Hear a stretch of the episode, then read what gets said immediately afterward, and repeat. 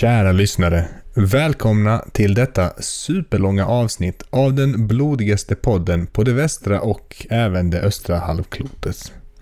Idag har jag en gäst i podden, men pesten härjar som bekant vilket tvingat oss att spela in detta avsnitt över internet. Gästen heter Simon Lund och han är författare till boken Hårdrock, allt om banden, konserterna och myterna.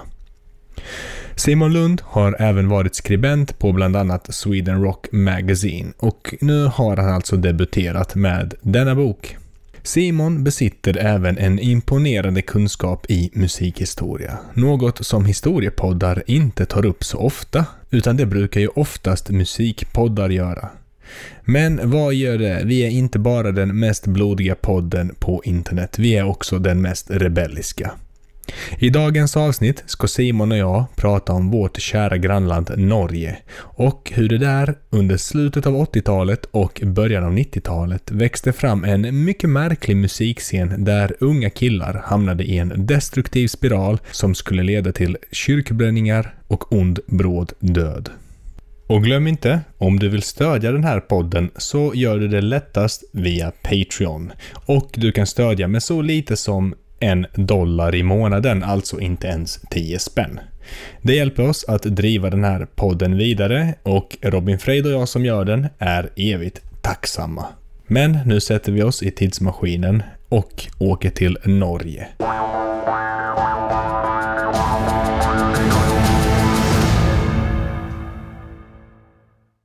Simon Lund, välkommen till podden Vår blodiga historia. Tack så mycket. Trevligt att du kunde vara med och eh, vi spelar ju in på distans här. Vi sitter ju inte i samma rum kanske lyssnarna vill veta. Mm. Eh, vad heter det? Och det kan ju då bli någon störning eller något. Då ber vi om ursäkt på förhand. Så slipper någon få en överraskning om det blir något konstigt med ljudet. eh, du är författare. Japp. Yep. Och eh, hur många böcker har du skrivit? Jag vet ju om en. Det är den enda boken jag har skrivit. Det är debuten. Okay. Mm. Hur blev du författare? Jag har eh, jobbat som journalist sedan 2005. Och, eh, eller, ja, jo, och skrivit för Sweden Rock faktiskt längre än så. Eh, jag sökte en praktik på, på Sweden Rock Magazine 2003 som jag inte fick men jag började skriva som frilansare. Och 2019 på sommaren så hörde min kollega, eh, anfallskollega i författarlandslaget av sig till mig ehm, i fotboll. Eh, och sa att han ville ha en bok om hårdrock och frågade om jag ville skriva den. Eh, och det ville jag ju. Senare frågade jag honom om han hade läst någonting av mig och det var därför han ville att jag skulle skriva om det eller vad mina meriter var. Då sa han du var där.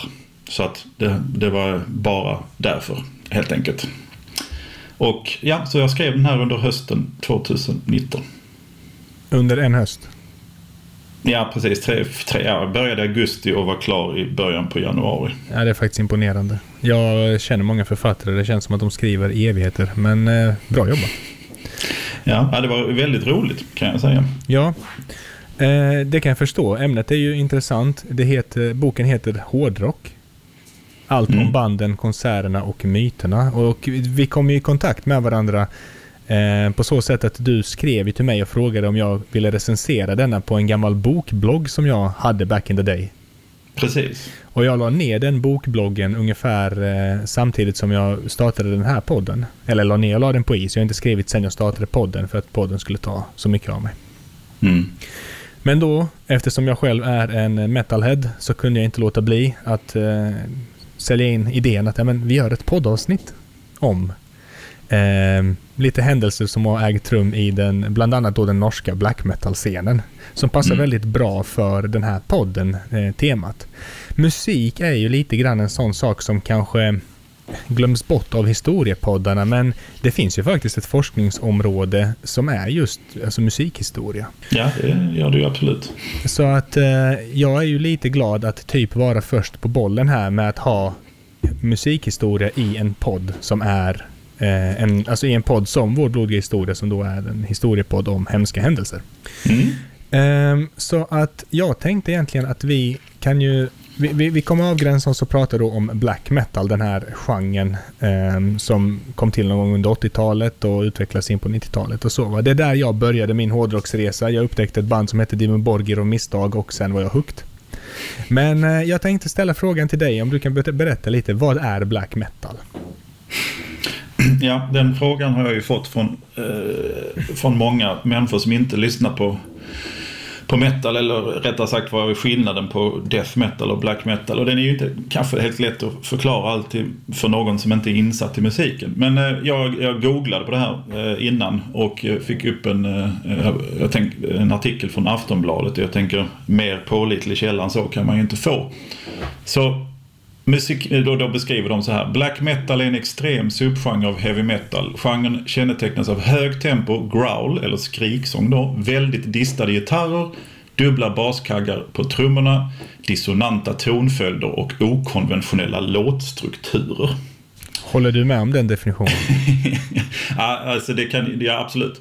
Det gör jag ju till, till, till viss del. Ehm, eller de ingår ju. Sen så är det ju många av de här som ingår i annat också. Det skulle ju också ja. kunna vara death metal. Men skillnaden mellan death och black metal är ju oftast eh, visuellt, tematiskt. Eh, och det, det, beskrivs lite som att Dark Throne släppte, ett av de här norska black metal-banden släppte sin första platta eller spelade in den i Sunlight Studios i Stockholm där alla Stockholms dödsband spelade in. Så då lät de death metal. Och sen till sin andra platta, Blaze in the Northern Sky, så hade de mer eller mindre tagit bort basen. Det är ungefär så. Det är givetvis extremt generaliserat. Men tar man bort basen så får man black metal. Det ja, i den där listan så saknar jag det som kallas eh, tremolo picking. Eh, ja, just det. Ja, det är sant. Det känns som att det borde, borde ingå. Det är lite så mm. stapelvara i black metal. Ja, det går ju undan som fan och eh, eh, sen är det mycket atmosfäriskt och, och sådär också. Man skapar ett ljudlandskap som det liksom blir väldigt pretto men, men det gör man. Och sen som sagt var, det, det, det, behöver inte vara corpse paint men det var, blev ju mycket corpse paint med framförallt den norska scenen då i början på 90-talet och eh, det handlar mycket om Satan. Ja, jag tänkte precis säga det då för eh, den oinvigde lyssnaren. Jag, eh, jag hade faktiskt vågat ta gift på att de flesta av eh, lyssnare på, till den här podden inte vet vad temat i black metal är och mm. eh, vad det visuella handlar om. Så skulle du kunna beskriva det rent eh, ja, tematiskt och grafiskt? Det är väldigt antidogmatiskt.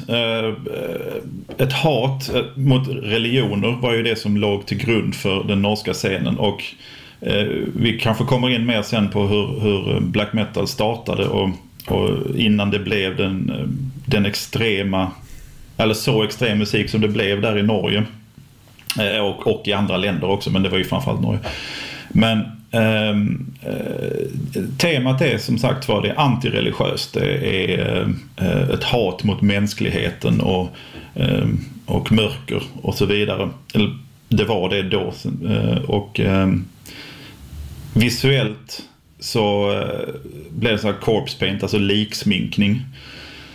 Man sminkade sig som eh, vitt och svart i ansiktet så man skulle se död ut helt enkelt. Mm. Ehm, och sen ja, svarta kläder och långt hår och mycket nitar och sånt där. Upp och nervända kors på scen. Det var mycket, ett tag grishuvuden och gethuvuden på på, jag kommer tappa pålat. så många följare på detta. ja, vi kör. ja, som sagt, det, det, är ju betydligt bredare än så, framförallt nu för tiden. Men det var så det blev känt, kan man ja, väl precis. säga. Mm. Hur eh, kom den här genren till? Alltså Norge är ju lite eh, vad ska man säga? Ja, men, eh, det, det, är lite en norsk grej eh, numera. Men, och jag, jag, läste faktiskt någon gång att eh, black metal var eh, att black metal är Norges största kulturexport. Det tycker jag är lite fascinerande. Men hur kom genren till? För den kom ju inte till i Norge, som jag vet. Eh, både ja och nej kan man väl ja. säga då. För att, ja, det, apropå det med musikexporten så kan det nog stämma. det finns ju Uh, fyra av banden har ju vunnit Grammis uh, på, efter, efter millennieskiftet. Så inte under mm. den här tiden. Men Eh, och flera gånger om dessutom. Så att, eh, det är inte, absolut inte omöjligt. Men i alla fall. Eh, man, man brukar härleda genren eh, bak till fem, menar, fem olika band. Det fanns givetvis fler. Men det, det föddes ju ur den extrema musiken som... Eh, alltså musiken har alltid blivit mer och mer extrem. Ehm, eh, och på, på 80-talet så var det ju framförallt thrash metal eh, som, som var den snabbaste. Metallica och Slayer, eh, de stora banden inom den genren. Och, men sen så fanns det då eh, som sagt var fem olika band som jag nämner i min bok i alla fall. Eh, och först och främst är det Venom från, från England som eh, egentligen spelar en jävligt skitig rock'n'roll. Ehm, med och det är, det är ganska otajt. Det är, eh, sången är ju diskutabel och så vidare. och så vidare. Det är väldigt skitigt alltihop. Men de hade en, en eh, framförallt hade de en, eh, deras andra platta heter Black Metal. Så där kommer namnet ifrån. Men de inspirerade väldigt mycket i skitigheten och eh, eh, det var ju mycket punkattityd på något sätt. Sen har vi eh, ett band som heter Sarkofago från, Ehm, från Brasilien. Som eh, inspirerade med just corpse painten. Eh, framförallt för att de, de poserade på sin debutskiva framför ett stort kors i corpse paint och nitar och grejer och sånt. Och där, så det visuella kom mycket därifrån. Men det fanns också hos Celtic Frost i Schweiz. Eller Hellhammer som de först hette. Ehm, och de körde också tematiskt. Det, där kom mycket av temat ifrån. Eh, och de, var, de använde sig av eh, H.R. Giger. Hette han va? Eh, eh, en, vad heter det? Eh, konstnär som var väldigt, väldigt mörk konst kan man väl säga. Eh, och det är många, hård, alltså, många hårdrocksomslag som har, är Giger efter det också.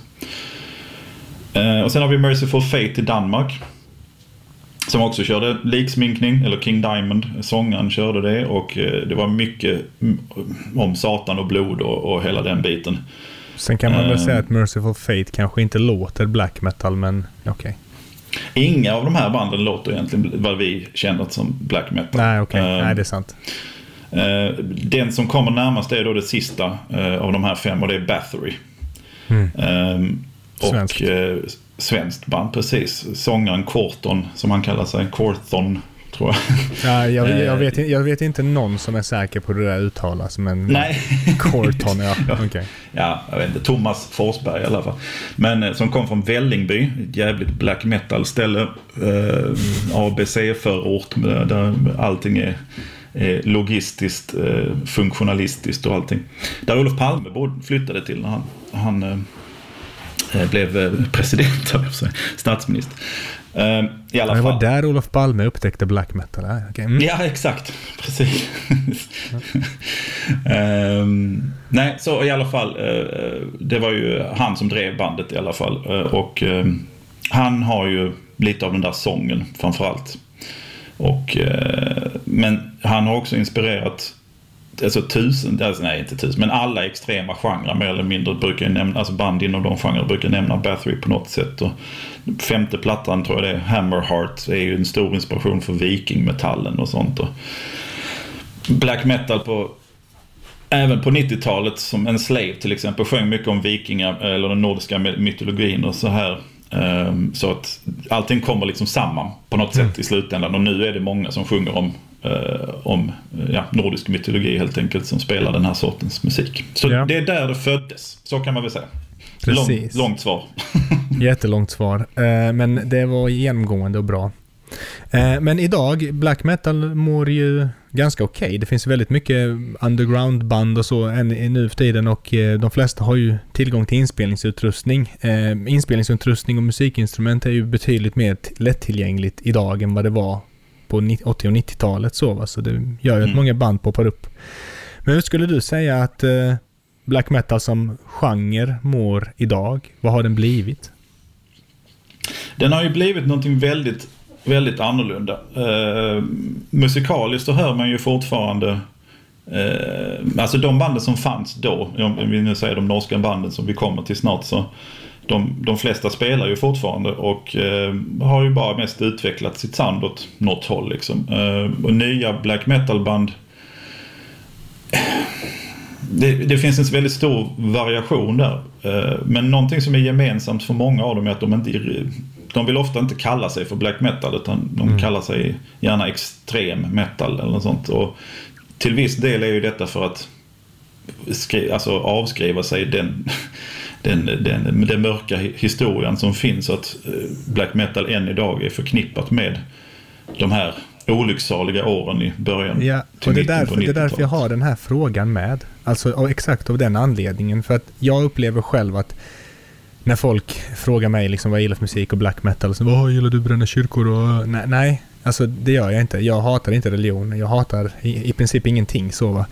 Mm. Um, jag, jag, gillar soundet va. Det, det är bara det. Budskapet är ganska ointresserad av.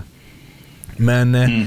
någonstans så, så, så, måste man distansera sig och jag brukar ofta ta upp eh, bandet Goira som exempel som kanske inte är ett black metal-band, men som spelar någon slags ändå men, eko, eco-friendly, eh, uppmärksamma miljöförstöring, metal och sånt. Alltså det där hittar du egentligen i alla metal-subgenrer. Alltså du har ju även kristen black metal nu för tiden. Mm, alltså det, det finns ju, det finns ju budskap om precis allt.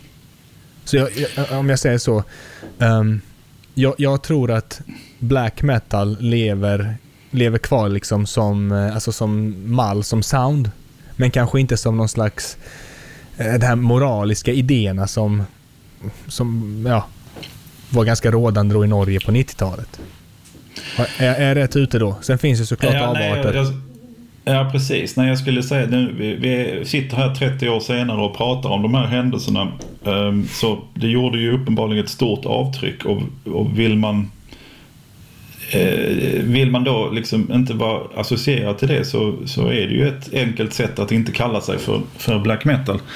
Men musikaliskt sett så, så är det ju givetvis en, eh, en eh, alltså det lever ju kvar. Det var ju en musikalisk revolution som, som skedde i Norge.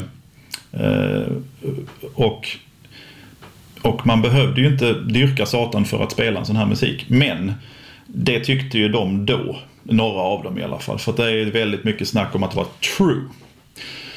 Och då skulle man ju gå hela vägen liksom. Och um, några av de här gick ju lite långt. Men eh, sen kan jag tycka att det här att jag vill inte kalla min musik för black metal fast jag spelar black metal för att jag vill distans distansera mig från black metal. Det är som att kalla en pizza något annat för att man inte vill veta att den är onyttig. Ja, det är sant. Men black metal, det hette ju som sagt var inte ens black metal från början. Det hette ju death metal. Så att black metal var ett, ett begrepp som kom efterhand. Och ja, vad vill man skriva, beskriva sin musik med egentligen? Det, mm. Och det här med genre överhuvudtaget är ju någonting som inte musiker gillar speciellt mycket. Det är ju till för oss konsumenter. Så, så att vi ska veta vad det är. Pre liksom. Precis, och i ett band så har man ofta, alltså folk, folk, jag har ju spelat i olika bandkonstellationer i massa år och man har ju aldrig exakt samma musiksmak som någon annan i samma Nej, band. Precis. Man har alltid olika Nej. musiksmak och olika preferenser och, som bara smälter samman. Mm. Men eh, ja, black metal, mycket spännande genre. Och, eh, men varför tror du att Norge har blivit så, eh, alltså en sån, sånt centralt ställe för den här genren? Varför förknippas Norge med black metal? För jag menar, vi snackade innan om Brasilien, Schweiz, ja, allt vad det var, Sverige. För att det skapades en, en scen. Och sen så det går det ju inte att förneka att de här händelserna har ju som sagt var skapat eko i, i, genom historien många år efteråt. Eh, vi pratar ju fortfarande om en av huvudpersonerna som, som än idag håller på med massa idiotier, var, Varg Vikernäs då, som vi återkommer till sen. Mm. Um, och uh, så att, men det som man då, om man ska försöka se bortom det här så så är det just det här att det bildades en scen. Och um, om man tar de här andra banden som jag nämnde innan var ju ganska ensamma i sina länder. Ja, just det. Uh, för, förutom eventuellt Bathory då, som, alltså Sverige har ju alltid haft en ganska stark hårdrocksscen. Men det fanns inte jättemycket annat extremt här då. Utan mm. just där kring, kring, äh, kring skiftet 80-90-tal så, så bildades det ju, eller så skapades eh, ett par olika små scener. Vi har Göteborgs, dödsmetallen i Göteborg, vi har dödsmetallen i Stockholm och vi har dödsmetallen då i Norge som blev black metal. Och alla de här tre skapades mer eller mindre på samma sätt. Att det var ett gäng väldigt engagerade, unga, energiska tonåringar då oftast. Eh, som och mål, alltså väldigt målmedvetna och drivna och som, som liksom, de repade på samma ställe, de bodde på samma, de kom från samma ställe, de spelade i varandras band, eh, de såg till att skaffa spelningar tillsammans och, och så vidare. Och i Göteborg och Stockholm så blev det, var det ju ganska oskyldigt då jämförelsevis. I, eh, alltså i Göteborg lekte de ju också satanister men jag har ju pratat med många därifrån och de säger ju att de var, det var de ju absolut inte. Eller de var kanske satanister i den, i den formen av att eh, satanism går ju ut på att man, det finns ingen gud utom en själv helt enkelt. Lavej-satanister. Eh, vad sa du? Lavej-satanism. Ja, okej. Okay. Eh, och sen så man kan ju skilja på det och djävulsdyrkan till exempel. Så att, det var ju mest på skämt, eller det blev så här mest på skämt i alla fall i Göteborg efter ett tag när jag insåg att det, ja, det här med upp och nervända kors och sånt är ju mest, det är ju ball och spännande men inte mycket mer än det. Norge gick man ju betydligt längre än så. Då. Nej men man kan säga så här om jag pratar med dem idag så har de ju ganska bra distans till det hela. Um, vad de sysslade med då. Det, uh, det skämtas ju ganska friskt om de här olika grejerna som hände i Göteborg på den här tiden.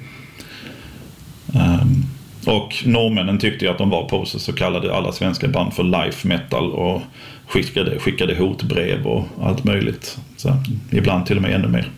Lite hårdare i Norge. Lite hårdare i Norge, precis. Ja. Så att um, det är, det är jag, jag skulle bara säga det, Euronymous, då, gitarristen i, i Mayhem som uh, blev centralfigur i det här, var ju extremt viktig. Fördelar. Han hade skivbolag, han eh, startade eh, skivbutiken Helvete där folk samlades och, och, och, fick träffa likasinnade och då som sagt var inspireras till att bilda band och, mm. och, allt möjligt. Så det behövs de här personerna, det behövs förutsättningar. Norge är ett bra, det är ett i-land, det är lätt att få bidrag, det är lätt att få replokaler. Eh, precis som i Sverige. Eh, och eh, sen är det ju också mörkt och kallt. Mycket berg, mycket skog och det finns en... Black metal är också en ganska naturromantisk eh, genre och blivit i alla fall. Och det, om man ska sjunga om mörker så... Det finns ju många låtar med eh, Dark Forest och allt möjligt i ja. titeln liksom. Exakt. Så att det, det, finns ju naturromantik i, i södra län, liksom länderna, mer söderut, varma länder också. Men då kanske man sjunger mer om, jag vet inte, Pina coladas på stranden liksom. Och då, för Vilken fördom. fördomsfull. ja, vad bra. eh, och här sjunger man om ond bråd död i lingonskogen. Så att det är liksom... Ja, precis. Ja. Men eh, Euronymous spelade ju i ett band som hette Mayhem. Mm. Och Mayhem är väl, eh, ja, jag, skulle, jag vill påstå att det är kanske det mest kända black metal-bandet som någonsin funnits. Det mest kultiga, skulle jag väl säga då. Vilket skulle, uh, vilket skulle du säga är det kändaste? Ja okej, okay, jag tar eh. tillbaka det. Vi har ju ändå de som har slagit igenom, alltså, ja, ja okej. Okay, ja. Dimmu Borgir, Cradle of Filth till exempel. Ja. Ja, nej, det, det, det, är ett mycket speciellt band. Jag såg dem live mm. för något år sedan på Sweden Rock. Det lät för jävligt men det är Mayhem, de är kultiga. Eh, mm. kan du berätta lite om bandet? För de är ju centrala här som sagt. När grundades de? Var? Hur? Vilka var de här unga killarna som vi nämnde tidigare? Det grundades, bandet grundades 1984 då enligt vad jag listat ut från internet. Eh, och i Oslo. Och den, de som startade var, eller de som sen var kvar eh, när allt det här började så att säga var eh, Euronymous, eller Öystein Årseth som heter. Och han var Jörn, gitarrist.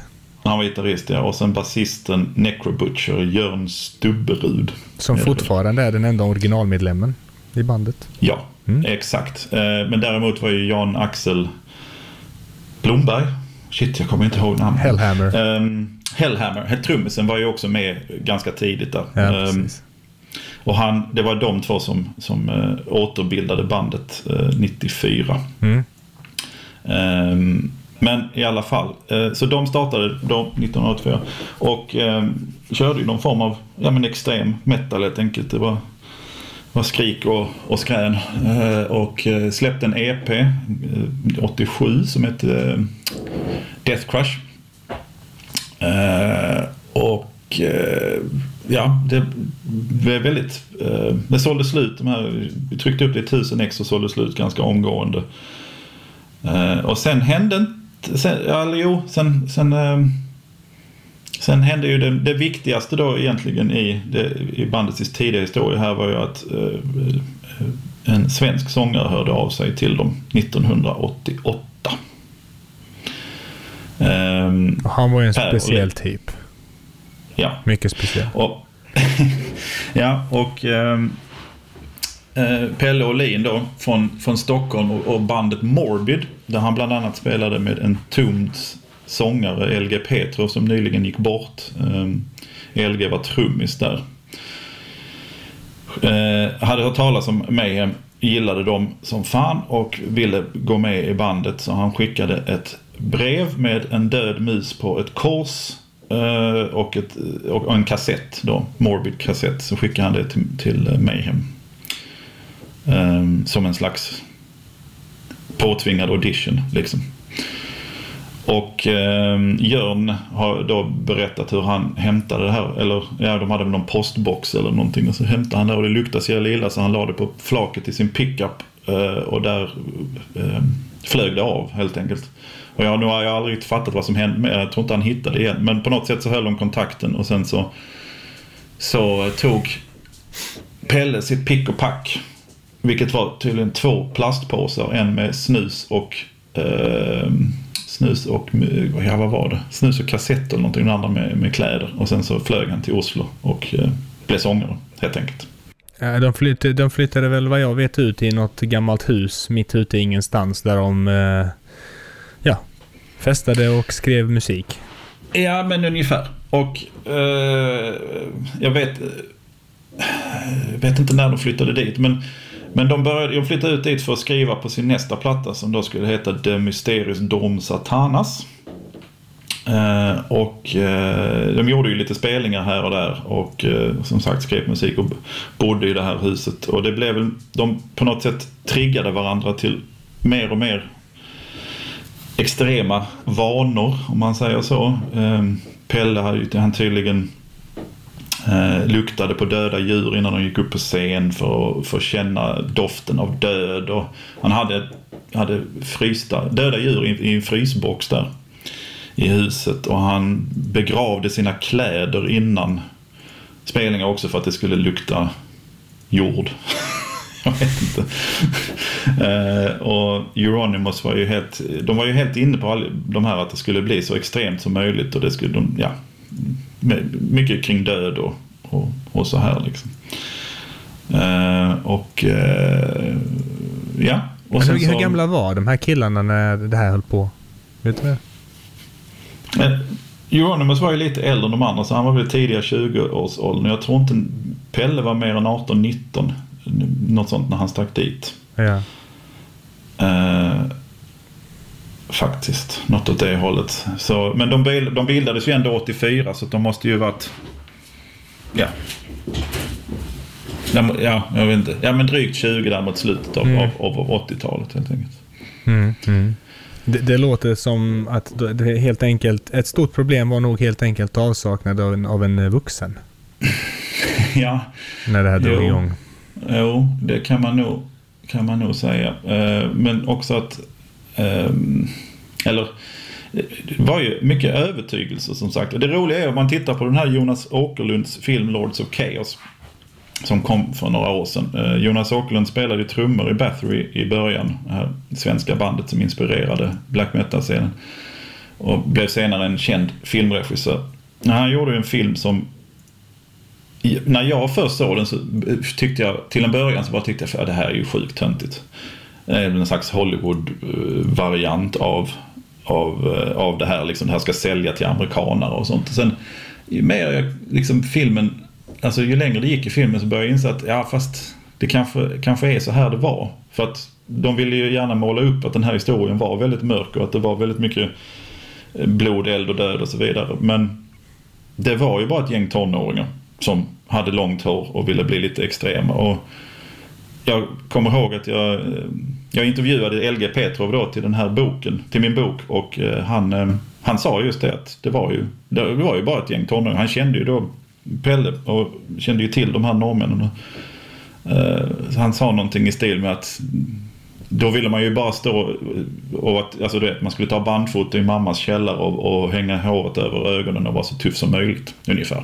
Ja, för när man kollar på de här gamla bilderna då på Mayhem. Mm. Då med, med Pelle och alla de här. Alltså det ser ju inte så hårt ut. Alltså jag menar seriöst, det, det, är lite så. Mammas källare, ett par killar som har dragit håret över ögonen så står de och typ ja, håller knivar med en, eh, ja men håller knivar mot eh, handleder, vad fan det kan vara, hals och hit och dit och sånt där. Och, men, men det är ju inte direkt så här jättegrafiskt. Alltså det är inte om man... Det, ser man på band idag som försöker ha eh, grafiskt provocerande material så är det alltså det... Det, det är ljusår emellan.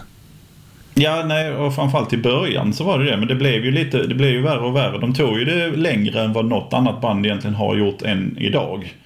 Ehm, men till en början så var det ju verkligen så. Och det, Eh, jag intervjuade ett, ett, eh, en, en av de här Göteborgsmusikerna som, som eh, på en konsert 92 tror jag det var skulle, skulle bränna sin gamla konfirmationsbibel på scen. Men misslyckades för att han höll den för, för, för tight. Alltså han höll ihop den så att det tog aldrig fyr på sidorna. Så han stod ju där försökte, försökte få eld på bibeln utan att något hände. Och de hade en spann vatten bredvid så att de skulle kunna slänga den i den där. Så, så förberedda var de. Um, uh, men den tog aldrig fyr som sagt så han stod ju där. Och i kåpa och lie som han hade på sig också. Eller på och med sig. Um, och det känns ju som att det är lite den nivån till en början i, med den norska scenen också. Liksom. Ja, men det blir mörkare. För eh, Pelle Olin då, eh, som hade artistnamnet Dead va? Mm. Eh, han tog ju livet av sig. Han gjorde det. I huset när ingen annan var där så, så, eh, så sköt han sig. Han, han skar sig och sen så sköt han sig. Eh, och det var Euronymous som hittade honom. Jag tror de var, de var hemma över helgen hos sina föräldrar, de här andra medlemmarna. Eh, och han var där och knackade på en dag och, då, och så var det ingen som svarade. Sen kom han tillbaka dagen efter och då... Eh, så, han visste att Pelle skulle vara hemma så han kröp in genom fönstret eh, på andra våningen. Eller så här, och hittade honom då. Men istället för att ringa polisen så åkte han iväg till en eh, närmsta butik och köpte en engångskamera och fotade liket. Och sen ringde han polisen. Och vad heter det? det jag, jag, vet inte om det stämmer men någonstans har jag stött på att han också skulle ha arrangerat alltså bilden lite. Men vi flyttar på hagelgeväret och vi sätter kniven där och så för att, ja, för att få till en bra bild helt enkelt. Citationstecken. Eh, det, ja, det vet jag faktiskt inte. Det finns många rykten kring, kring det här som ju fortfarande inte har... Nej, det vet ju liksom- bara han själv. Alltså så. Mm, eh, men, men vad heter det? Varför tog Pelle livet av sig? Vet, vet man det? Eh, Nej, det intressanta i det hela är ju att, eh, att han i Sverige uppfattades som en helt annan sorts person än vad han gjorde i Norge. Ehm, jag lyssnade precis på P3 Dokumentären om, om det här och där de intervjuar hans, eh, Pelles bror Anders. Som, som berättar att där så i Sverige så, så såg man honom som en ganska glad prick som gillade musik och, och så vidare. Men sen hände någonting när, de, när han flyttade till Norge då. Eh, och Euronymous vill, har ju försökt, eller han, han, han utnyttjar ju det här eh, självmordet och, och, skulle då måla upp eh, Pelle som den ondaste i världen som levde som man, som man skulle då som black metal-musiker metal och gjorde det, det ultimata eller vad man ska säga då så, genom att ta livet av sig. Eh, men varför Pelle egentligen gjorde det, ja, det det, det, kan inte jag svara på. Men, ehm, men det, det vittnades ju om att han inte mådde så bra. Ehm, tydligen så var han också lite eh, rastlös av att eh, de andra i bandet hade, hade ju andra saker i sitt liv där. I Norge, de var ju därifrån och allting, men han hade bara bandet. Så att medan de var med sina familjer eller flickvänner eller vad det nu var så, så gick han omkring i huset och ville att det skulle liksom eh, fler, mer saker skulle hända. Ja, det här måste varit fruktansvärt ensamt. Jag menar, eh, man får inte glömma att detta är en tid innan mobiler och internet och, och så vidare. Man, sitter man ensam i något ja, ödsligt hus ute i skogen i Norge, så man är ju rätt, man är ju rätt isolerad, man är ju rätt utlämnad där. Ja men precis. Och så ska då tydligen Euronymous och, och Pelle liksom ha gått lite åt, alltså de hade väl lite olika vision om, om vad Mayhem skulle bli och så var det tjafs och tonåringar som tjafsar så kan ju det bli väldigt allvarligt och sådär. Ja, ja. Men efter det här eh, självmordet då, den här, eh, vad heter det, bilderna på eh, kroppen hamnade på ett skivomslag som vi inte kommer lägga upp någon bild på. Men det hamnade på ett skivomslag till slut. Det var ju lite senare då. Okay. Det var nog fem år senare till och med. Mm. Uh, vad hände direkt efter?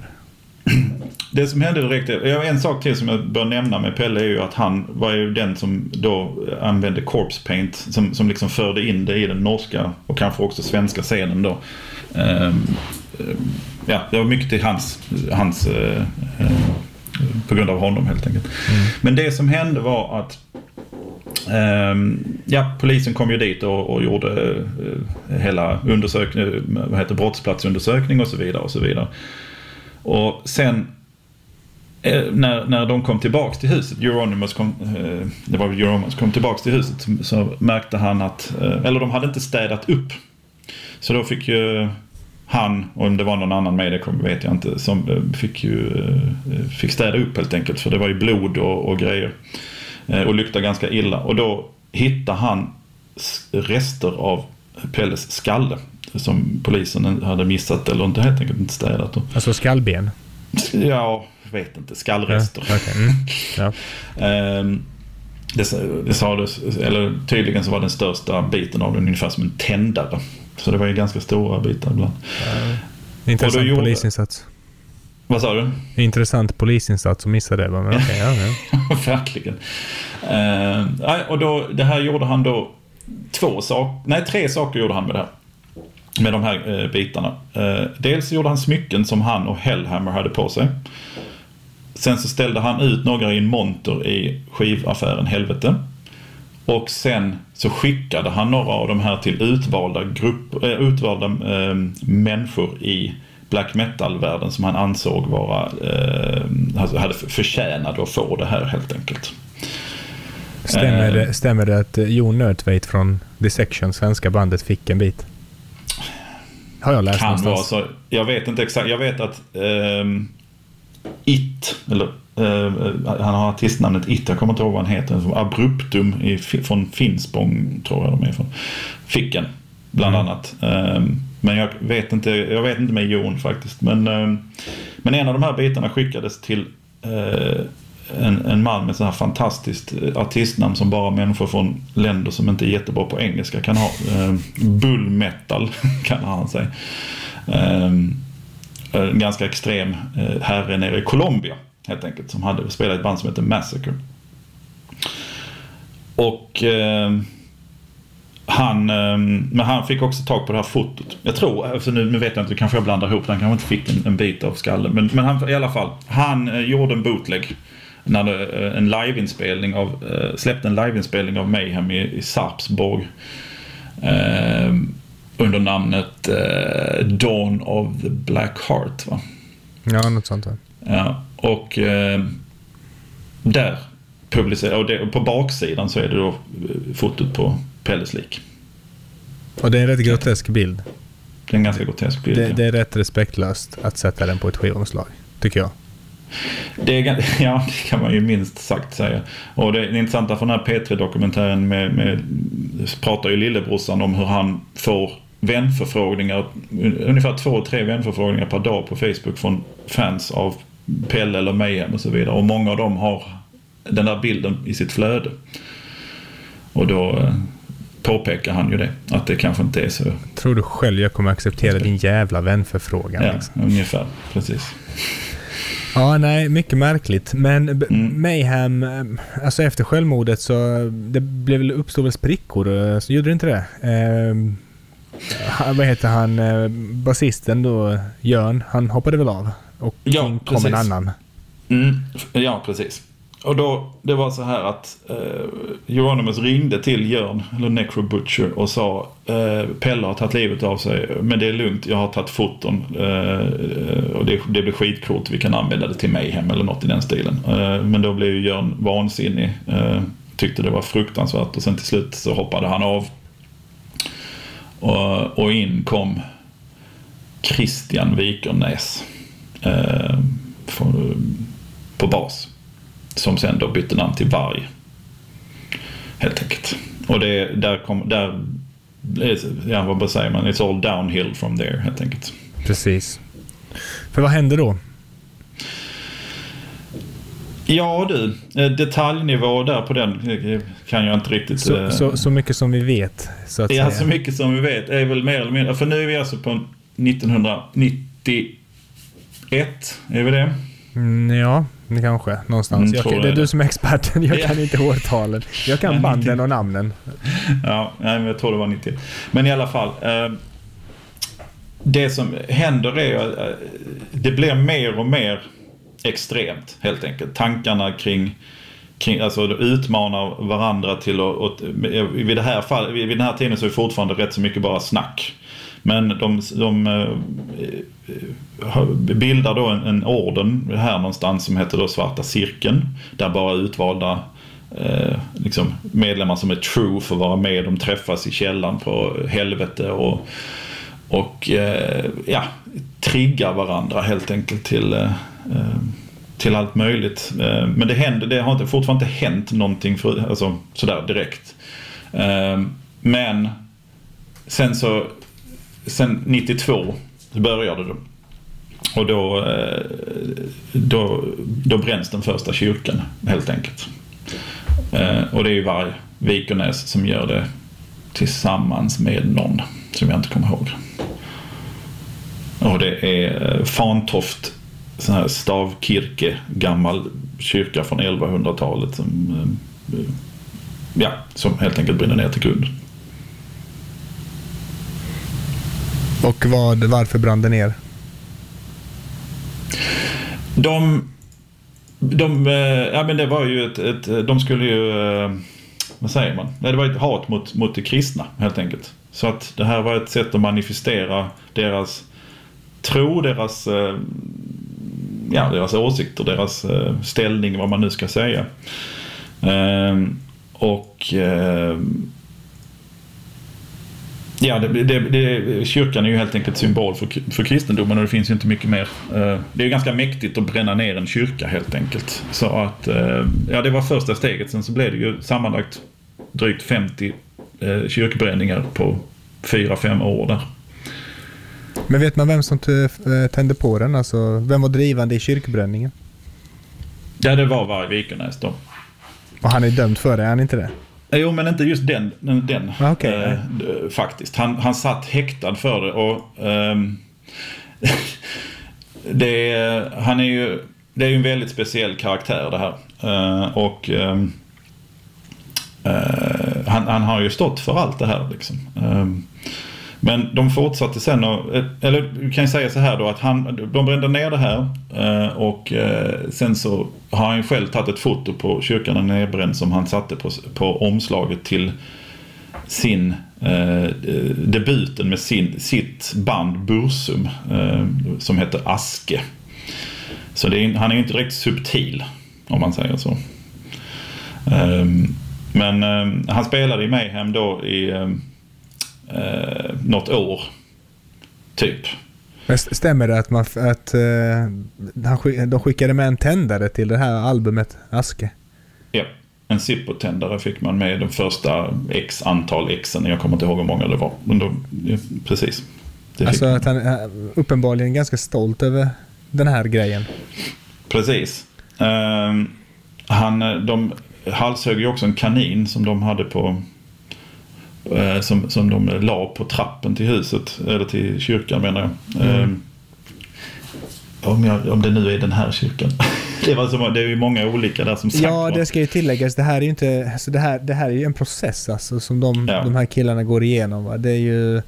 Som du sa innan, de triggar varandra och det utmanas och utmanas. Och, eh, det, det är flera kyrkor som...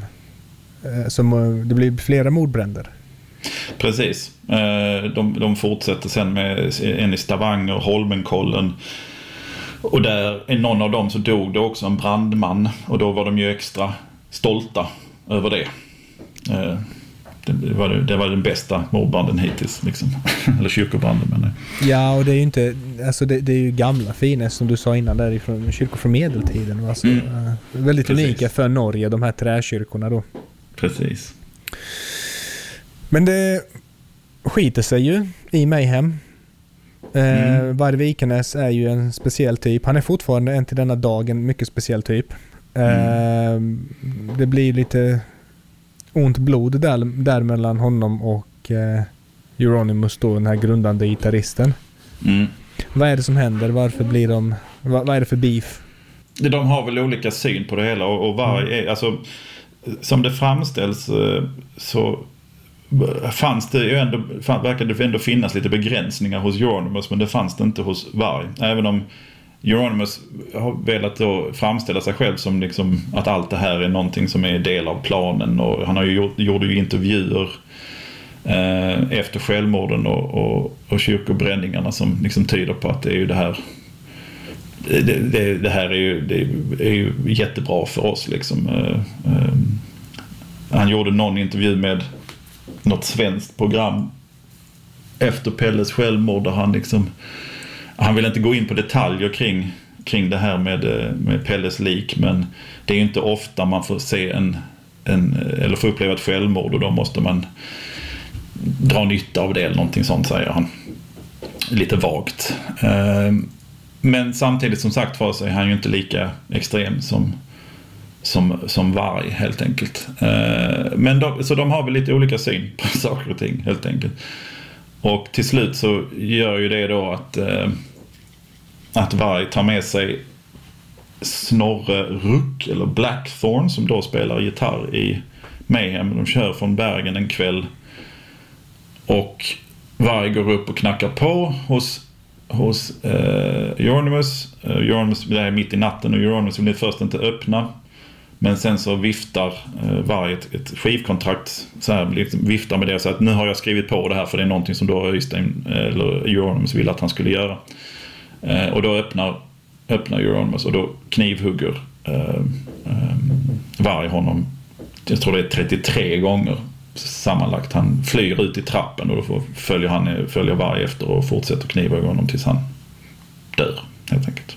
Ja, det ska väl vara gått så våldsamt till att när han knäcker av kniven eller fastnar den i huvudet på Euronymous eller något sånt. Liksom. Ja, Det- ja precis. Det är något, något sånt. Ja. Något sånt. Alltså det är väldigt brutalt överfall. Mm, Och, och Euronymous, Euronymous dör. Vad händer med Mayhem? mm. Med bandet? Det är den Ja, andra det- bandmedlemmen som, eh, som dör på egentligen ganska kort tid. Ja, precis. Det är två, två år emellan där då ungefär. Ja de lägger ju ner. Eh, till, en, till en början då. Men samtidigt så, det är, ja, sen är det ju, eh, det som händer är ju att den här skivan eh, har ju fortfarande inte blivit klar. Och eh, vid begravningen så träffas Jörn och Jan Axel, Hellhammer och Necrobutcher. Trummisen och basisten då. Ja, och bestämmer sig för att eh, fortsätta. Eh, eller ta upp det igen så att säga. Och eh, då tar de med eh, den, en av de första sångarna, Maniac, på, på sång. Och... Eh, nej, han kom sen förresten, förlåt. Eh, eller hur var det? Jo, jo precis. Ehm, eh, när de tar in en ny gitarrist och det här är ju väldigt kontroversiellt hos många i, i fans av Mayhem att man gör, fortsätter utan Euronymous. Men de gör det i alla fall. Och sen eh, eh, hittar de en sångare, Attila, eh, från det ungerska bandet Tormentor som, som lägger sång på den här plattan. Och han har ju då någon, någon form av kväkande sång som blir väldigt eh, uppmärksammat och eh, speciellt. Det låter inte som någonting annat helt enkelt. Eh, och så släpper de den här plattan. Men det tar ganska lång tid eh, för att föräldrarna till Euronymous vill ju inte att ha med Vargs eh, eh, bas. Alltså det är ju Varg som spelar bas på skivan. Och de försökte länge hindra de, eh, de andra medlemmarna från att släppa plattan. Eh, om de inte tog bort hans bas. Men det gjorde de aldrig utan det är, det, det är han som är med på skivan. Så att om man öppnar eh, ja, det Mysteris Don Satanas då på Spotify så är det Vargs bas? Ja. Okej. Okay. Det är lite kuriosa för eh, ja, musikhistoriker kanske. Mm. Men eh, jag vill gärna skjuta in en, ett sidospår här. Alltså, nu, nu pratar man ju om Mayhem, eh, alltså Mayhem-medlemmarna brände kyrkor och hade liv, mm. tog död på varandra. Och sånt här. Men, det, men det här var ju en scen som du nämnde någonstans i början. För att det, var ju, alltså det här skivbutiken Helvete, det var lite en mötesplats för black metal-musiker, eller mm. hur? Ja. Precis. Och där de träffades och allt sånt här va. Så folk från andra band um, hängde ju där va. Mm. Och blev triggade till allt möjligt skit. För att jag vet att, vad hette han, Bård Aitun, eh, trummisen, var det Emperor? Mm. Han hade väl ihjäl någon person också. Ja precis, det här framkommer ju lite senare att eh, eh, han eh, var på besök hemma hos sin mamma tror jag i Lillehammer och var ute och, och på krogen. Och eh, dödade en man, som, en homosexuell man då, som han påstod eh, hade stött på honom. Eh, och eh, sen efter det hade han ringt till Varg och Öystein eller Euronymous och sagt vad han hade gjort och då tyckte de att han, skulle, att han skulle skynda sig hem till Oslo så de kunde fira. Eh, så han blev ju dömd för det och han spelade i Emperor. Och han var även med på eh, kyrkbränningar, vilket också Samot, eh, eh hans artistnamn, eh, i samma band var med på. Så båda de två missade releasen av, av Emperors debutalbum för de satt i fängelse faktiskt. Mm. Eh, och det var ju, sen, så, sen så var det ju copycats också. Liksom, det var folk som brände Alltså, alltså Varg var ju ansvarig för många men det var andra som också då liksom började bränna kyrkor även i Sverige.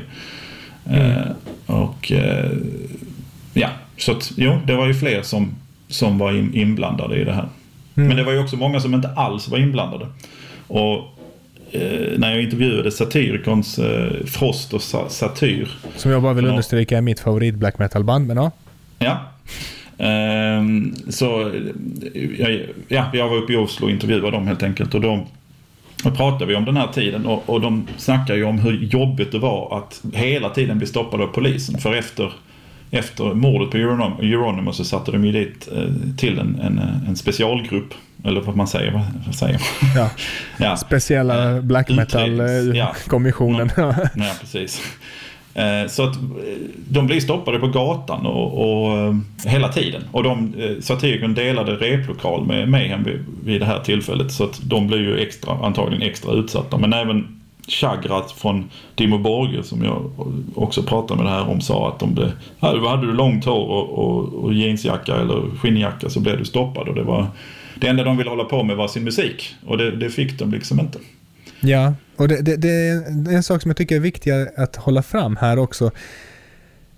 Alltså musiken är aggressiv och mycket av texterna är ju aggressiva och allt sånt där. Sen har vi de här berättelserna va? men absoluta största majoriteten av black metal-musiker är ju alltså, normala människor. Jag menar det finns ju alltid de här extrema ytterligheterna oavsett vilken grupp du tar i vilket samhälle som helst.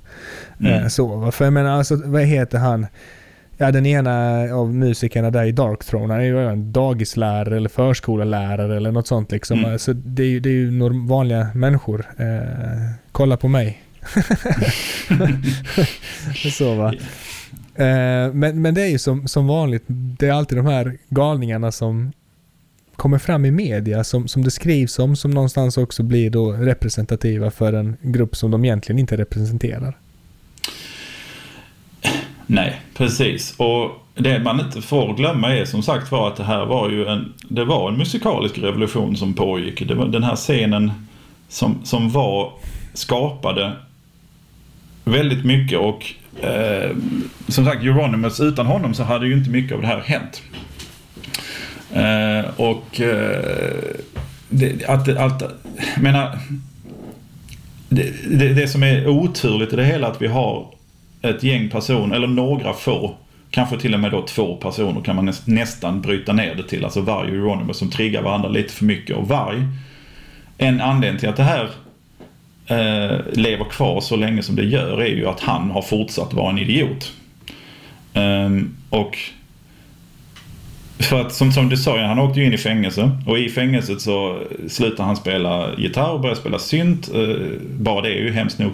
Um, och sen, och sen så gick han med i några vet, eh, fascistiska grupper. Han blev ju högerextrem utav, han, ju, ja, han blev väl, fick utlopp för högerextremismen som ju antagligen funnits i honom hela tiden. Som han typ blandade med nordisk mytologi va? Alltså, ja. Ja, precis. Han startade något som kallades Norsk, Norsk Hedensk Front eh, som fick småavdelningar i Sverige och Tyskland och så vidare. Och, och eh, han var med i någonting som hette Zorn 88 som också var en, någon sån gruppering. Eh, och eh, ja, och sen så blev han frisläppt. Han försökte fly från fängelset också 2000... Fan var det? Tre, tror jag det var. Ja, vid en permission. Men han, han, de tog honom på väg till Sverige. Men sen släpptes han ändå 2009. Han satt inte alla sina 21 år, han satt 16 år.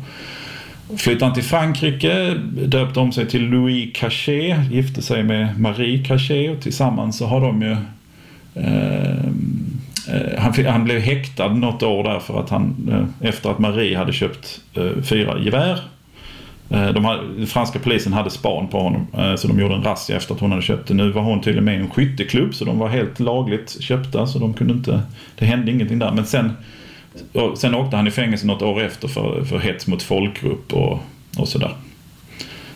Sådana små gottigheter.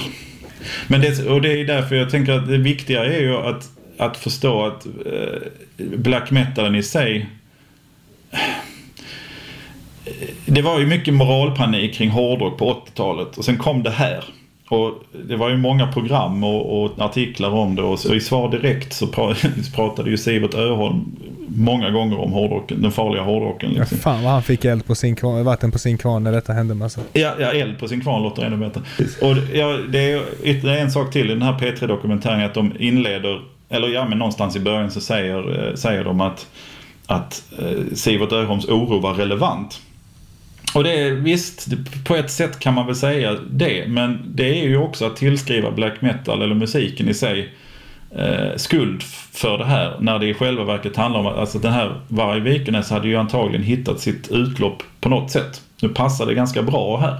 Alltså jag håller inte med om att hans, eh, ja, att det var befogat från Sivert Öholm. Alltså jag menar det, det, är som att eh, om någon begår en avskyvärd handling idag så råkar den personen gilla tv-spel. Alltså att skylla på tv. Ja, men alla precis. spelar ju tv-spel. Mm. No, no, det är klart att det kommer finnas någon galning där. Jag menar, det, det är ju samma, ja, den här galningen borstar tänderna och tandborstning gör det till en mördare. Alltså det, det är ju, man kan ju inte resonera så. Nej men det är ju samma sak som med skjutningarna i USA och liksom med Columbine och Marilyn Manson och, och, och så vidare och så vidare. Det är ju, det är ju tramsigt att tillskriva det. Eh, sen, men sen blir det därför att ordvalet relevant blir ju intressant i sig. Eh, för att det, det tillskriver inte skuld egentligen fast det gör det lite grann eller vad man ska säga så här. Men det är ju inte black metals fel. Nej, man kan ju lika gärna säga att eh, alltså, det, det, är Satans fel, det är kyrkans fel, det är black metals fel, ja. det är våldsamma fin filmers fel, för jag vet att de satt och glodde på skräckfilm i den här skivbutiken. Mm. Eh, det, det, är liksom skolans fel. Alltså det, du kan ju välja ut vad som helst och säga att det är det som har påverkat. Det är ju det är en samling av faktorer. Det är det som driver, som driver alla handlingar. Det är mängder av olika faktorer. Ingen går ju och liksom gör ett vansinnesdåd som du nämnde, skolskjutning eller någonting för att en sak har blivit fel i livet. Nej, precis. Och det som hände här var väl antagligen att det var några människor för mycket som, som triggade varandra till, till ja. de här handlingarna. Liksom. Förutsättningarna var liksom rätt för att det här skulle kunna hända. Ja, precis. Kan och man kanske säga. och det var ju ganska lätt att uppröra folk vid den här tidpunkten. Liksom. Det är inte lika lätt att göra det längre. Eller jo, men då är det ganska tramsiga saker. Men folk blir förbannade på... Ja, det här är ju också ganska tramsigt om man tänker så. ja. Hur, hur påverkade det här hela genren framöver? Alltså, jag menar, spred sig det här till andra band? Tog andra band efter det på något sätt? Eh, eller stannade det liksom i Norge, i den här scenen? Vad skulle du säga? Alltså under, under samtiden så var det ju... Eh, det fanns ju medlemmar av den här svarta cirkeln i, i, i andra länder också, bland annat i, i Sverige. Och det... Eh, en, en ganska intressant händelse är ju eh, ett av de här banden som jag eh, intervjuat i Göteborg. Så eh, fick jag berättat för mig att de tyckte det var ganska de blir irriterade på Euronymous för att han snackar skit om death metal så då skickade de ett brev till honom och sa att fan kom ner här till Göteborg ska vi spöa skiten ur dig, snacka inte skit om death metal. Eh, varpå han beordrade två personer ur den svarta cirkeln i Sverige att mörda de här två som skrev det här brevet. Eh, och det skulle till och med ha gått så långt att, eh, för, för den här personen som berättade det för mig eh, eh, berättade att han har pratat med en av de här människorna långt efteråt. Eller någon människa som visste det här i alla fall. Två personer var på väg till deras konsert med kniv i, i, i fickan. Men tog fel på datum. Ja men för fan. och sen rann det typ ut i sanden. Så den här, de hade ju, norrmännen hade ju någon beef med, med svenska, eller det, där, det var någonting som irriterade dem med att svenskarna inte tog det på allvar liksom. Eh, men det var ju de som gjorde det i Sverige också. Eh, och, och vi har ju ett exempel Eh, eller det här är inte någon musiker men Varg Vikernes svenska flickvän gick ju och tände på Therion-sångaren Kristoffer Jonssons dörr. Eh, av någon, av, ja, för att han inte var true eller någonting. Eh, spikade upp något meddelande och fäste eh, omslaget till Bursumplatta och sen så satte hon eld på dörren. Det hände inte så mycket. Kristoffer var på turné men det pyrde lite och sen så hände inte så mycket mer. Men hon, hon åkte ju dit för mordbrand. Hon blev också intervjuad i Svar Direkt. Eh, väldigt spännande intervju där hon säger typ ett ord till varje svar. eh, men sen så, ja det var ju någon kyrka som brann i Göteborg eller utanför Göteborg och, och, och sådär. Men hur det påverkade framtiden Ja, vi har redan berört det lite på, alltså så under samtalet egentligen. Ja. Eh, kan, kan jag nu i efterhand tycka. Precis, det, har, det är det här med att man, man, man inte kallar sig för black metal helt enkelt. Det har ju svartmålat eh, genren lite kanske. Ja, precis. Så, eh, och det, ja som sagt, det sitter här 30 år senare och pratar om det. P3-dokumentären var för två, tre år sedan. Men nu får du sluta shoutouta dem för de shoutoutar inte mig. Okej. jag skojar. Nej, de har faktiskt gjort en jättebra dokumentär om detta. Eh, ja. Så jag tycker att man kan gå och lyssna på det om man... Eh, när man har lyssnat färdigt på det här avsnittet. Precis. För de, det är klart, det är public service. De får ju våra surt förvärvade slantar. Eh, så de har en jättestor budget och kan göra jättepåkostade program och intervjua och resa runt och så. Så att det är ett jättebra avsnitt. Mm. Tycker jag. Man får reda på väldigt mycket om Pelle. Det, det är ju väldigt intressant. Ja, precis. De har ju hans bror där också. Mm. Sen finns ju den här filmen kan vi också shoutouta kanske, Lords of Chaos. Eh, jag har ju förstått att eh, han gör ändå, Necrobutcher, basisten i Mayhem, att han gillar ju inte den här filmen. Nej, eh, precis. Jag har inte lyckats förstå varför. Han tycker väl bara att det är osmakligt att den har gjorts eller någonting så. Va? Ja, jag har inte Vilket kanske, förstått heller faktiskt. Nej, det är väl inte bara. Jag kan ju förstå att han tycker det är osmakligt. Alltså det är mm. ju ändå en så viktig tid i hans liv och så. Han var ung och det. Men den Men filmen... Kan... Ja? Ja, nej det kan... Jag, jag, vet, jag uppfattar också lite som att den, då, det framställs ju som lite töntigt. Helt enkelt. Men jag vet inte om det är därför. Ja, i någon intervju som jag sett så säger han ju liksom kring Pelle det här att han bara det här var ju, det här var ju min vän som nu tvingas jag ju återuppleva och se detta igen. Ja, okej okay då. Ja. Eh, så att jag tror det handlar lite om ja, smakfullheten med. Mm. Men eh, vad heter det? Lords of Chaos, filmen, vad heter han som huvudrollsinnehavaren från Ensam Hemma? ja, det är brorsan, lillebrorsan till, eh, till äh, vad heter han? Ah, Macaulay Culkins lillebrorsa är det. Som spelar Euronymous. Och sen är det ju Val Kilmers son. Är det hans lillebror? Jag tror att det var han. Nej, gud han är ju typ 35 nu eller någonting. Gud vad lika de är. Ja, de är väl, alla de brorsorna är ju sjukt lika. Oh my Eh. god, jag tror att det var han. Ah, ja.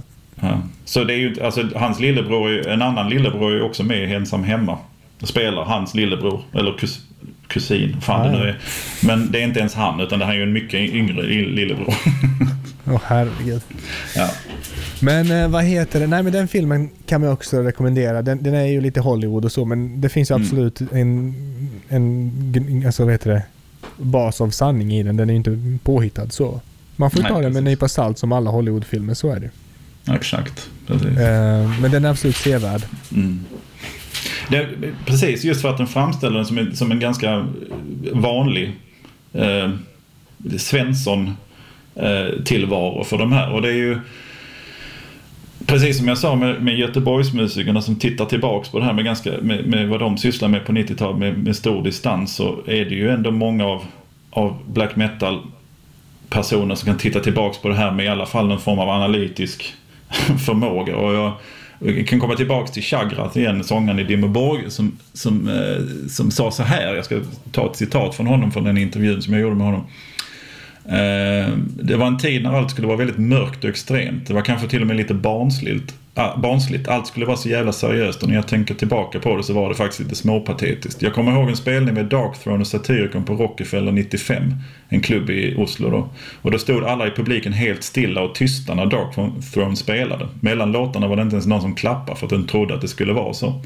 Darkthrone, Darkthrone skulle ju spela och då får man inte klappa. Så så extremt var det. Jag kommer ihåg den tystnaden. Den gjorde att bandet valde att gå av scenen tidigare än tänkt. Åh herregud. Men vet du vad? Jag, jag, alltså, jag vet inte om du är med i någon sån här black metal-grupp på Facebook. Eh, jag är med i ett gäng. Där finns vissa personer som är lite sådär lite skitnödiga kring det här Mm. true, alltså hur man Ja men jag gillar inte det bandet för att de har kort hår. Ja men så. Alltså det, det, finns det fortfarande. kvar. Ja det, Det lever, lever lite kvar. kvar. Och det är, Det är det. varje gång jag säger till någon att, eller jag ska inte säga varje gång, eh, när jag i sådana sammanhang säger att ja, men jag gillar black metal, ja men vad gillar du för band? Och så kläcker jag det. Men jag gillar Satyricon, jag gillar Dimmy Borgir, jag gillar Dissection. Eh, så. Alltså jag får alltid mothugg. Det är typ som att, pff, du är inte på riktigt. Nej. Man bara, men snälla. Ja, det är väldigt svårt att veta vad som är true också. Det, alltså, det är lite snälla. från individ till individ. Ja, ja alltså, men, eller så bara kan man skrota hela begreppet liksom. Jag, jag brukar ju tänka så här att jag lyssnar på musik jag, jag gillar. Sen, sen att jag gillar, liksom, jag har ju både alltså Satyricon eh, och Lady Gaga i min playlist. Alltså jag gillar musiken. Jag, jag, jag, det är inte så mycket mer att säga. Det finns ingen djupare innebörd i den att jag gillar hur det låter. Det, Nej, precis. jag gillar hamburgare, jag gillar hur det smakar. Det, vad ska jag säga? Det, det är ganska bekvämt att ha den förhållnings, det förhållningssättet till kultur. För då slipper man vara skitnödig, pretentiös och allt det här som det lätt blir i de här sammanhangen. Mm, precis. Men det, det var ju, återigen så var det ju mycket snack på de, de flesta eh, och väldigt lite verkstad. Det var ju Varg framförallt som såg till att det blev verkstad. Euronymous var ju aldrig med och brände kyrkor till exempel. Ehm, och... Och jag tycker att skulle- filmen, jag tycker Lord of Chaos, förlåt jag avbryter, jag måste bara säga, jag tycker att filmen porträtterar det jävligt bra, just den delen. Att, Ja, faktiskt. att, att Euronymous blir då lite så här poser, fast han egentligen var den som var true från början. Precis. Men sen är ju frågan hur, ja som sagt var, hur Hur, sant, hur den är, men jag Ja, tycker att filmen, alltså, i filmen framkommer det ändå på ett okej sätt. Liksom, bra sätt. Precis. Men det är också för det är intressant att när Fan, Fantoftskyrkan brändes ner så skulle det vara en samlad eh, attack. Alltså det skulle vara fler kyrkor som brändes den natten. Mm. Men uh, enligt den här flickvännen då till Varg Vikenäs i alla fall. Och då, men att alla andra bangade ur. Det var bara Varg som, som gjorde det. Och vem det nu än som var med honom. Mm. Mm. Så att de flesta vågade väl inte ta det hela vägen helt enkelt. Nej, det, det finns en scen i den där filmen som, också, som, jag, kommer ihåg så väl. Så vissa scener fa, fastnar ju alltid så här, du vet när man ser en film och så, ja men det där var nyckelscener för mig. En sån är, vad heter det, då, det där kring, eh, kring ett pellet och begå självmord. Mm. Eh, och då, som du sa, då, är de hemma hos sina föräldrar och då är, utspelar sig någon av de här scenerna hemma hos föräldrarna va? Och det är verkligen så här medelklass gemytligt norskt hem. Det är liksom ja, men bokhyllor och mjuka soffor och någon pappa som läser tidningen och så. Och så kommer den här killen då liksom som är någon av bandmedlemmarna med sitt långa hår och är jätteond. Mm. Man var det är verkligen, det är verkligen unga killar det här alltså. Ja, alltså jag... Det här är ju en av mina favorit... Eh, eh eller vad ska man säga? Eh, historier från folket i Göteborg när de, som de berättar om. Från, från, eh, från eh, när de startade sina band. Och jag upplevde, jag kommer till vad det är, men jag hade ett dödsmetallband i slutet på 90-talet och vi repade hemma hos trummisen. Och då brukade, alltså vi spelade ju, körde ju igång där och, och lyssnade på, och även då mellan, mellan, eller i repen så lyssnade vi på metal och så vidare. Och sen så varje gång så stack ju hans mamma in huvudet och, och liksom sa nu är det fika här uppe. Så då stängde vi av vår onda musik och så gick vi upp och käkade semlor eller, eller kanelbullar. Och det här beskrivs ju av alla de här Göteborgsmusikerna också. Hur, hur det var så man repade hemma hos någon eller man satt hemma hos någon och drack folköl och sådär och sen kom mamman och sa att det var dags för prinsesstårta. Och, eh, eller så var de och spelade någonstans och hade på sig corpse paint eller något liknande och sen fick de skjuts hem av föräldrarna. Eftersom det var en eftermiddagsspelning i någon rocktävling eller någonting och så. så. ja, och det så, där, ja. Ja, så det är ju den bilden man, man bör ta med sig av det hela egentligen. Det, det ska, jag vill skriva under på det där. Jag vet det där själv. Man, alltså här, de här spelningarna en tisdag eftermiddag i någon stad 20 mil bort och så får man inte ens pengar för bensinen. Du Nej, vet precis. hur det är. Du vet, du vet exakt vilka jag menar. Gärna på något sånt här, ja men typ så här Sensus eller något sånt här ställe. ABF. Så att det finns, ja precis, ABF. Mm. Det finns ingen servering, ingenting. Så man sitter i bilen, man åker ut hit, man, man är skittrött efter skola, efter jobb eller vad det är. Man går upp och gör sin spelning på 20 minuter, man sätter sig i bilen och man åker hem. Man har varit så jävla oond. Man, har bara, man är bara trött om man vill bara gå hem och sova. Det, är så ovärt, men ändå har man gjort det. Hundra gånger. Precis, jag vet. Jag det är fattar inte. Ja. Mm. Du Simon. Mm. Eh, jag tror att det är dags att börja avrunda. Vi har hållit på här i över en timme och mm. Eh, gått igenom hela historien egentligen. Mm. Och det har varit fantastiskt roligt att du ville vara med i den här podden. Tack, det var väldigt eh, roligt. Har du varit med i någon eh, historiepodd innan? Nej, det har jag inte. Nej, ja, men nu, nu, kan du kanske kalla dig historiker för nu har vi berättat, eh, förmedlat historia och det är ju vad en historiker gör. Så. Ja, precis. Um, du har ju skickat mig ett exemplar av din bok. Mm. Och så har du skickat, äh, till mig och sen har du också skickat ett exemplar av din bok för mig att lotta ut. Precis. Så jag har två exemplar här, både mm. signerade och så. Så jag tänkte så att uh, istället för att du ska sitta och tvingas lyssna på när jag drar regler och sånt så kan jag spela in det separat så att du, om du som, du som lyssnar här um, Klicka inte ner det här avsnittet när vi säger hej då, utan lyssna vidare för då kommer eh, reglerna för själva tävlingen, hur du kan vinna Simons signerade bok Hårdrock. Eh, oroa dig inte om frakt eller något sånt, det fixar jag. Simon, jag tackar dig för att du eh, ville vara med här. Jag hoppas att vi kan höras i framtiden och när pandemin släpper att vi kan eh, typ dricka bärs och lyssna på metal. Vi bor inte så långt ifrån varandra tydligen. Vi gör ju inte det. Eller så pratar vi om någon annan blodig historia. Alltså är du intresserad så är du välkommen. Jag eh, har helt fria tyglar. Jag har inget avtal som tvingar mig göra något på ett visst sätt eller så. Så att jag gör det här hur jag vill. Jag ska luska lite så återkommer jag. Perfekt. Du är så välkommen. Ja, tack. Du, vi hörs. Det gör vi. Hej. Ha det bra. Hej.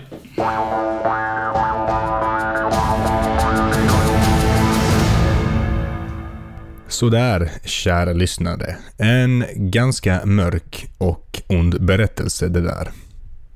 Så om du fortfarande lyssnar så utgår jag från att du vill vinna Simon Lunds fantastiska bok. Signerad av honom och helt fraktfritt från mig. För att vinna detta litterära verk så finns det några grundläggande regler som man får förhålla sig till helt enkelt. Och jag kommer lägga upp ett inlägg på poddens Facebook-sida där reglerna framgår en gång till, så om du missar de här i avsnittet, kika där. För att vinna boken så behöver du gilla Vår blodiga historia på Facebook. Du behöver också följa Simon på Instagram. En länk till hans Instagram finns på poddens Facebook-sida i samma inlägg. Vi måste ju såklart ha någonting tillbaka för att vi gör detta avsnittet och detta programmet. Därför ber vi er att gilla våra sociala medier. Och förutom det, tagga en vän i inlägget på Facebook. Då får vi lite större spridning och jag ser att ni är med i utlottningen. Tävlingen löper tills nästa poddavsnitt släpps, det vill säga om två veckor. Och en vinnare dras på Facebook. Jag skriver ett nytt inlägg när det är dags. Och vinnaren måste kontakta mig med sina adressuppgifter. Hör inte vinnaren av sig inom 24 timmar så drar jag helt enkelt en ny och så håller det på tills det inte finns några fler kvar. Men jag misstänker att den första vinnaren kommer höra av sig för jag kommer att tagga den. Övertydliga instruktioner, men det är bättre att vara på den säkra sidan. Så, jag tackar dig för att du har lyssnat på detta avsnittet och så hörs vi igen om två veckor. Hej!